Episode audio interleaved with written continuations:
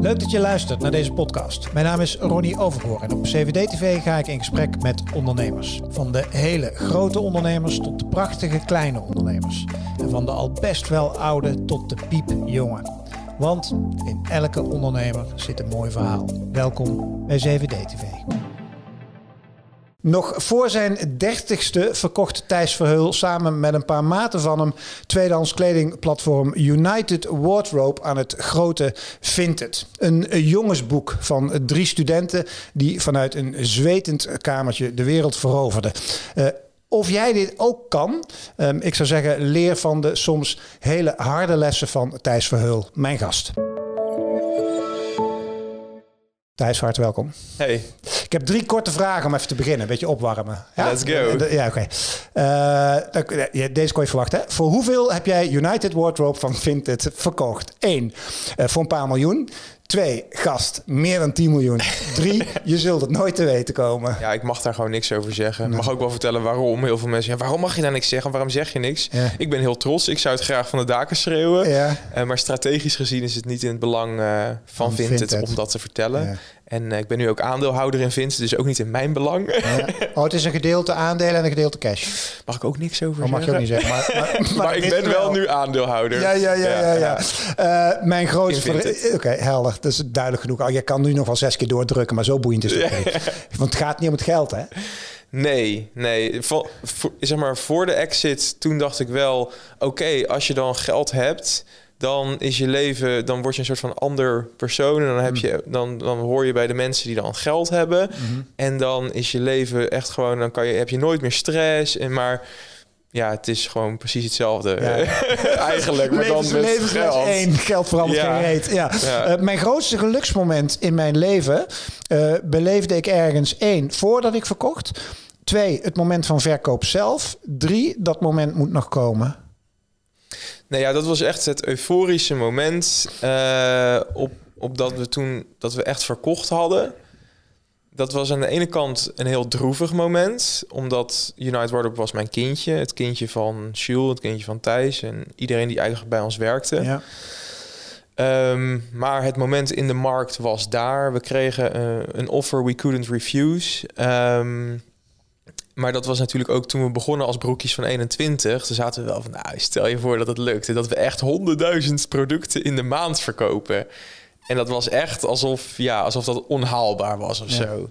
Alsof je in een garage begint met uh, rappen en opeens uh, de nieuwe toepak uh, of weet ik veel bent of zo. Ja, dat was echt ondenkbaar. En natuurlijk groei je daar naartoe rustig aan. Dan wordt het steeds realistischer. Maar het was al zo vaak afgeketst. Ja dat je echt dacht van, nou, het gaat toch echt niet meer gebeuren. We moeten gewoon bikkelen. En dan misschien, eh, als we dan ooit een keer wat winst draaien, kan ik wat meer verdienen. En dan geeft de bank me eindelijk een hypotheek, zodat ik een huis kan kopen of zo. Maar dat dit echt lukte, ja, dat is en gigantisch veel geluk. Maar toen dat, toen dat echt helder was, toen we echt hadden getekend, en toen, toen was het wel echt gewoon van, oké, want natuurlijk, je bent, er, je bent natuurlijk het gezicht van United Wardrobe. En iedereen praat er en vraagt erover. En dat het nu een soort van succesvol is afgerond. Is wel echt oké. dat boek kan dicht. Ja. What's next? Ja, ja, Maar dat was wel een geluksmomentje, zeg maar. Ja, tuurlijk. Toen zweefde je wel even. Ja, zeker. Dat is echt euforie ten top. Gewoon die, die, die week. En ook toen we op het NOS-journaal kwamen. Ja. Ook wat mijn ouders, die komen uit een klein dorp. En stond ik daar in de supermarkt om wat te halen voor mijn moeder. En, oh, we zagen je op het nieuws. En uh, je bent miljonair geworden. Ik zeg, ja, nou rustig even. Dat heb ik ook allemaal niet gezegd. Uh, moet ik dat allemaal uitleggen, ja. Maar het was natuurlijk heel gaaf. Ja. Derde vraag. Uh, ik ga zeker nog een keer net zo'n succesvolle start-up beginnen. Ja of nee? Nou, als je naar de data kijkt van ondernemers die een succesvolle exit hebben gehad, dan is de kans ook groot dat ze daarna wel weer iets gaan doen wat ook succes heeft. Mm En dat is ook waarom al die VC's, die zijn allemaal lui en die willen allemaal heel graag weer in succesvol founderbedrijven investeren. Dat vind ik altijd een beetje leem. Maar um, ja, het is nu wel veel gemakkelijker. Als ik nu een goed idee heb en ik ga weer iets met een paar goede programmeurs doen, en heb je team weer eh, in place, ja, dan, goed dan team. kun je makkelijker geld binnenhalen, zeg je. Ja, plus waarschijnlijk kan ik dan het eerste gedeelte zelf vinden. Zodat ik kan laten zien van... hé hey, jongens, nou, eh, de, de hockeystick zit er al in. Jullie hoeven alleen maar wat bij te lappen, let's go. Dat zou ik dan ook zoveel mogelijk zelf doen. En als we dan echt, zeg maar, gigantisch hard groeien... en we gaan weer naar een organisatie van meer dan 50 mensen, dan denk ik ook weer dat ik zeg: uh, doei, hier is een goede CEO. En, want ik dat wil, is jouw ding? Ja, ik wil totaal niet meer manager zijn van een groep van meer dan 50 mensen of zo. Dat is echt niet mijn ambitie. Het lijkt me heel leuk om weer met een klein groepje 10, 20 man weer iets heel vets te doen. Mhm. Maar ik, ik dacht eerst altijd van, oh, dan, word je, dan ben je ondernemer. En dan heb je allemaal mensen voor je werken die luisteren je. En dan ben je zo'n geboren leider. Maar ja, ik ben meer een bedrijfsclown dan een goede manager of zo. Ik vond het heel leuk om mensen te motiveren. En om echt te knallen met een groep mensen. En mensen gemotiveerd te houden. Maar ja, als dan echt... Ja, weet je, als je manager bent, dan ben je een soort van coach slash vader voor heel veel mensen. En uh, dan komen gewoon op random tijdstippen van de dag komen mensen naar je toe die willen dan iets heel belangrijks weten. Die willen dat je iets uitlegt over hun. En moet, je moet genuanceerd zijn, ja. goed kunnen luisteren. En je moet ook de rust zelf zijn. Wat zijn nou, wat zijn de eerste momenten die, als je terugdenkt, hè, waar je zoiets oh ja, dat, dat, dat moment, dat moment, dat, dat zal ik nooit vergeten. Of dat was een momentum, of wat voor reden dan ook. Ja, kijk, het cruciale was dat we een complementair team hadden. Dus Jules was gewoon echt die gast die keek vijf jaar de toekomst in. Die zei over vijf jaar dan is tweedehands kleding, dan doet iedereen dat. Ik had zoiets van, nou, uh, als jij het zegt, maar ik geloof er echt niet in. En meer mensen hadden twijfel, hè? Ja. uh, ja. Er, was helemaal, ja. er was geen onverdeeld enthousiasme we vanaf hebben, dat het idee geboren was. We hebben misschien wel tientallen uh, venture capital firms, angel investors gesproken. En ja, uiteindelijk zijn er maar een paar aangehaakt. Ja. Um, maar Jules die had echt die visie. En ik had dat niet. Ik was gewoon maar een beetje de regelaar. Maar Jules had gewoon die visie, ik was die regelaar. Dat werkte gewoon zo goed samen. We hadden zo'n goede synergie. Ik was korte termijn, Jules was lange termijn. Mm. Dat is puur geluk. Maar Jules, ik had een soort van klein clubje in Wageningen van acht gasten... waarmee we bier dronken en ideeën bespraken. En Jules die kwam naar mij toe... En Jules die zag toen al van, oh, Thijs is een regelaar... die een beetje maar gewoon als een ongeleid projectiel dingen doet. Die heb ik nodig voor United ja. Wardrobe. Ja. Dus dat was mijn geluk dat hij mij uitkoos daarvoor. Mhm. En in eerste instantie heb ik drie maanden nee gezegd. En uiteindelijk zei ik, nou, dan regel ik wel een designer en een programmeur... en dan knallen we het online en let's go. Ja. En uiteindelijk, um, dat hebben we toen met Joep uh, gedaan. Die is er helaas uh, tijdens de eerste ronde uitgegaan.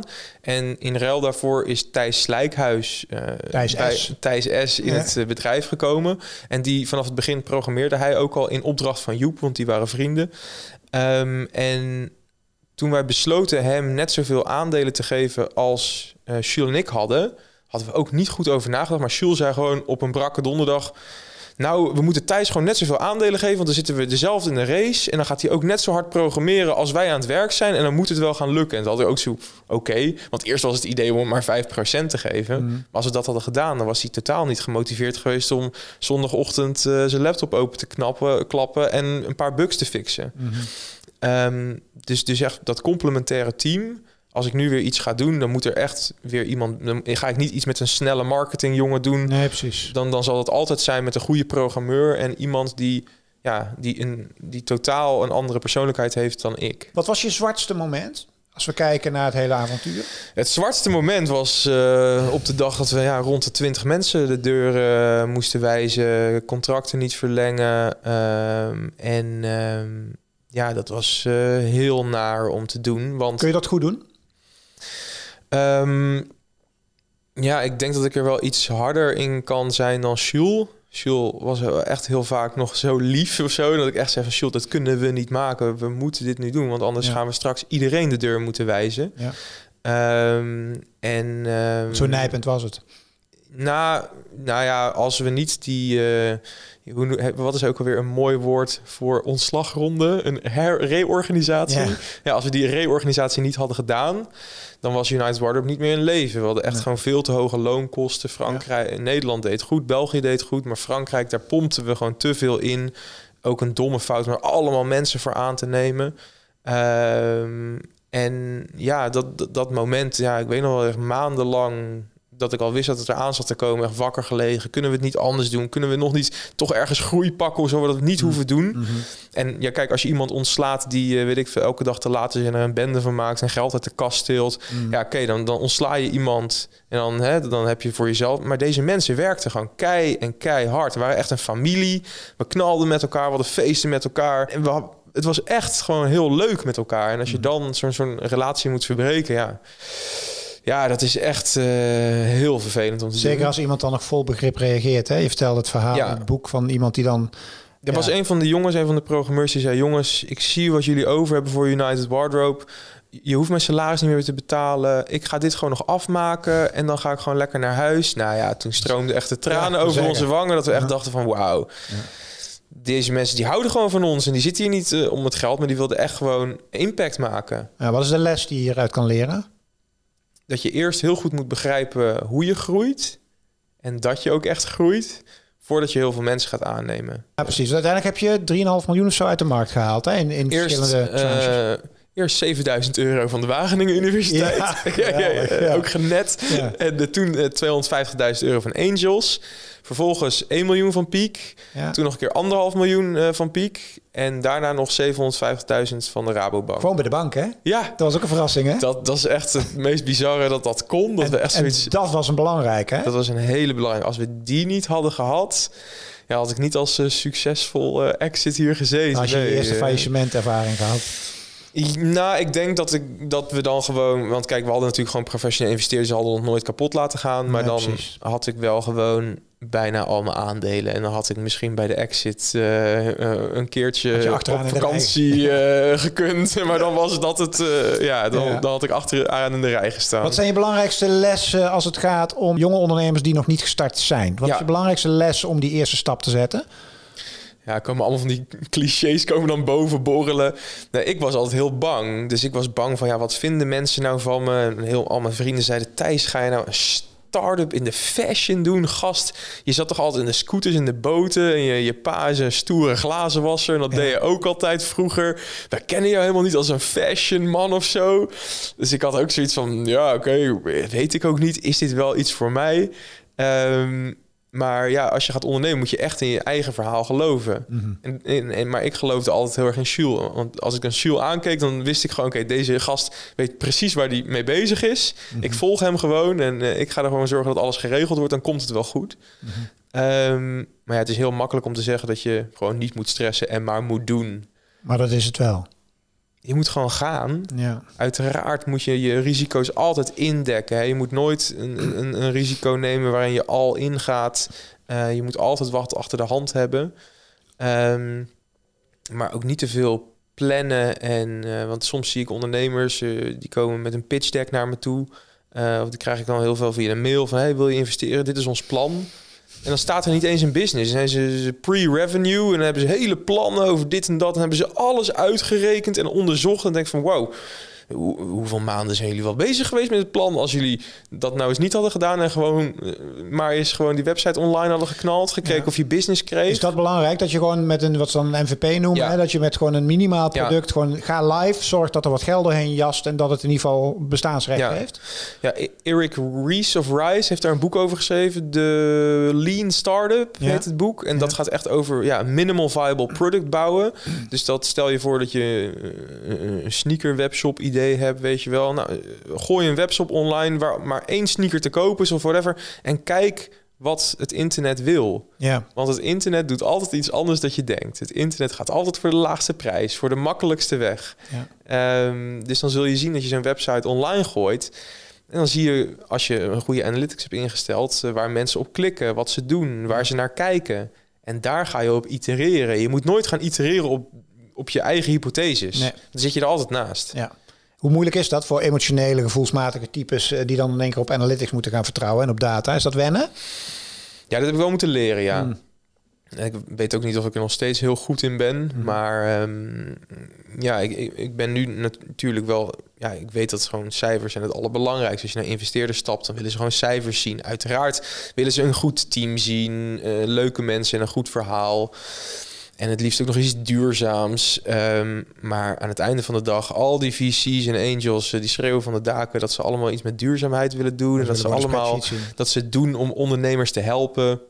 En ze willen allemaal gewoon de hockeystick curve zien en eh, vroeg instappen voor een lage waardering. Ja. En een goede exit. ja, dat is toch wel vaak het verhaal. En hoor. wat kunnen Eh, we meer leren uit? eh, want je hebt een rondje, je hebt, nou nogmaals, je hebt je, eh, zeg maar een, een stoomcursus finance gekregen, of in ieder geval hoe die financiële wereld Ja. in elkaar steekt. Wat zijn de lessen daaruit? Als je kijkt naar de ervaringen met Piek, maar ook met een Rabo, met eh, wat zijn je ervaringen als het gaat om eh, je hut voldouwen met geld om keihard te groeien? ja, kijk, als je bijvoorbeeld naar eh Adria Mol kijkt, die heeft gewoon alles gebootstrapped. Ja. En nu haalt hij, weet ik veel, 800 miljoen op of zo. Ehm, dat is natuurlijk hoe het hoort. dat is ja, als je, zo, hoe hoort het eigenlijk voor ondernemen? Ja, zoveel mogelijk zelf doen. Alle aandelen zelf houden. alle aandelen zelf houden, zoveel mogelijk maar gewoon lenen of er zelf in pompen. En geen geld ophalen om het geld ophalen. Want dat zie je ook steeds vaker.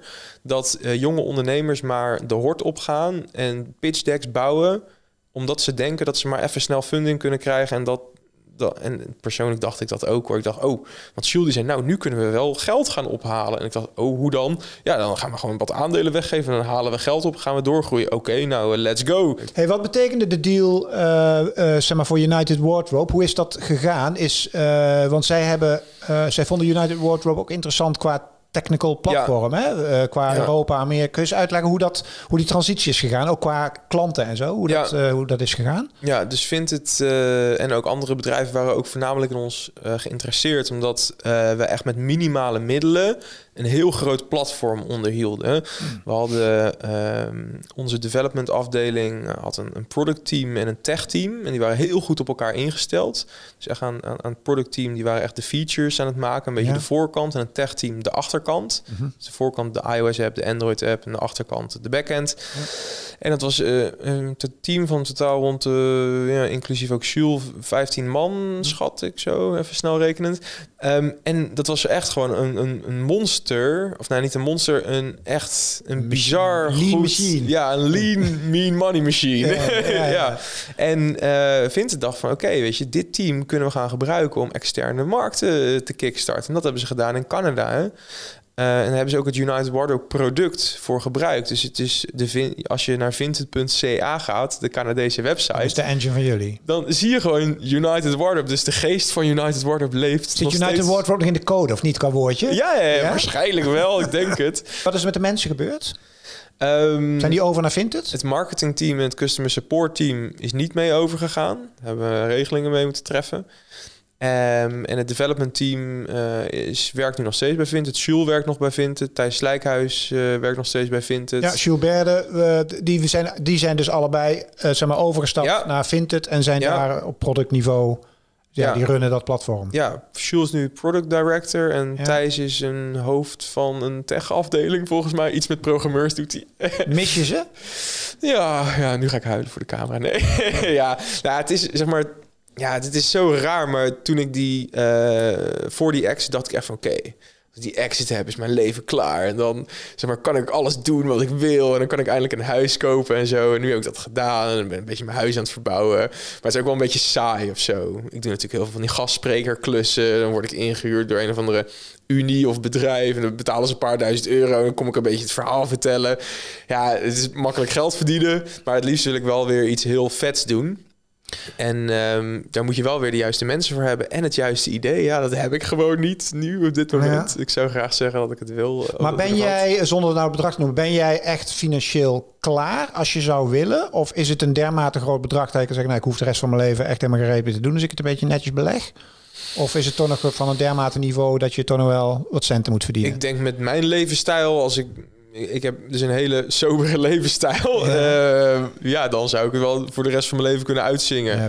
Als ik een beetje oplet en zo. Ja, maar ja, als er, dan kan ik ongeveer inschatten wat het bedrag is. ja, ja. ja. Maar, dat, maar, maar dat, ik kan me niet voorstellen dat je dat wil. Ik wil gewoon echt doen eh, waar, waar ik zelf rustig van word. Ehm, en ehm, ja, inderdaad, uit die loop zijn. Dat is wel gewoon aanwezig. Van, hey Thijs, wat ga je nu doen? Dat Ja. zit wel het in mijn hoofd. Maar, van, en wat is dan het antwoord? dat is het antwoord is gewoon dat je dat niet moet forceren. Nee. Als ik nu heel eh, op LinkedIn ga zetten, oké, ik wil iets doen, een goede programmeur. Nou ja, dan kan ik misschien een goede programmeur vinden. Oké, wat gaan we doen? Eh, weten we niet, maar dat gaan we uitvogelen. Ja, dan, en dan misschien heb ik dat dan heel snel uitgevogeld. Maar ik heb liever dat het weer zoals Jules gaat, of zoals met United Wardrobe. Dat een persoon zoals Jules, het liefst weer Jules, Ja, als wel. straks klaar Zou is. je als eh, Thijs, als Thijs S. en Jules eh, vanavond bellen en zeggen... jongens, we hebben Vinted, eh, die, die, die tent die draait wel. Dat platform is cool. We gaan met z'n drieën gaan we een week naar Ibiza... en dan gaan we een nieuw concept eh verzinnen. Ja, Dan, eh, 100 procent. Ja? Ja? Ja, ja, ja, Het is toch wel een beetje dat team weer mis of zo. Hmm. Want we waren zo goed op elkaar ingespeeld. ja, We hebben zo'n monsterprestatie geleverd. ja. Ehm, en persoonlijk had ik gewoon echt totaal geen trek om bij Vinted te werken. Gewoon omdat ik ook niet... Ze zouden mij daar ook niet neer moeten zetten. Ze ook voor Vinted ook helemaal niet Nee. in het belang van Vinted zijn. En dat was eh, voor beide partijen gewoon heel duidelijk. Mhm. En Sjoerd en Thijs hadden zoiets van... ja, we willen echt iets leren over zo'n grote organisatie. We willen dit Ja. in Canada gaan uitrollen. Dat zien we als een uitdaging. Ja. En ik had zoiets van, ah, het zal wel, weet je wel. Na die exit eh, boeit me niks meer. Maar achteraf dacht ik, nou, nu wil ik wel weer iets gaan doen. Ja, een doel. Ja, Dus dat is een beetje de zoektocht waar je zelf even de tijd voor, eh ja, dus voor ik heb geeft. mijn boek geschreven. Dat Ja. vond ik heel leuk om te doen. Vond ik ook wel spannend, want het is een heel persoonlijk verhaal. Ja. En eh, ja, ik ben dus nu een beetje stad en land eh, af aan het reizen. Een beetje na dat boek krijg je allemaal van die sprekers aanvragen en Ja. zo. Een beetje makkelijk geld verdienen. Ja, een Ja. beetje, een beetje lachen. En Ja. ik vind het ook oprecht leuk. Het allerleukste vind ik dan voor studenten staan. En dan uren zijn we vaak nog aan het napraten over hun ideeën, over hun eh, ja, visie op eh, de toekomst. Of over wat zij allemaal willen gaan doen en zo. En dan vind ik altijd wel lachen. Ja. Wie weet kom je er weer een Sjoel tegen. Wie weet, ja, hey, Ja, je weet het nooit. Ik hoop het. Mag ik je heel veel... eh, ja, want hoe oud ben je? 29. Ach, gastman. Mag, ik, mag ik je heel veel plezier wensen in het oneindige leven wat jou nog Thanks. tegemoet komt. En Thanks. eh dankjewel voor het delen van je verhaal. Ja, en mocht je zijn verhaal echt tot helemaal willen weten, dan... eh, hoe heet het boek ook alweer? voor hoeveel heb je het verkocht? Voor hoeveel heb je het verkocht? Nou, dat weten we dus nu nog niet. Ja. Maar eh, het is een absoluut leuk boek. En als podcastserie op Spotify. Dus als je geen zin hebt om hem op papier te lezen. eh, ik heb hem lekker in de auto geluisterd. Dankjewel voor het kijken. Hoi! Wil je meer van deze ondernemersverhalen horen? Volg dan de podcast van 7D TV. En ben jij meer van de video's? Weet dan dat alle 7D TV gesprekken als video te zien zijn op YouTube. Voor nu, dankjewel voor het luisteren en heel graag tot een volgend gesprek op 7D TV.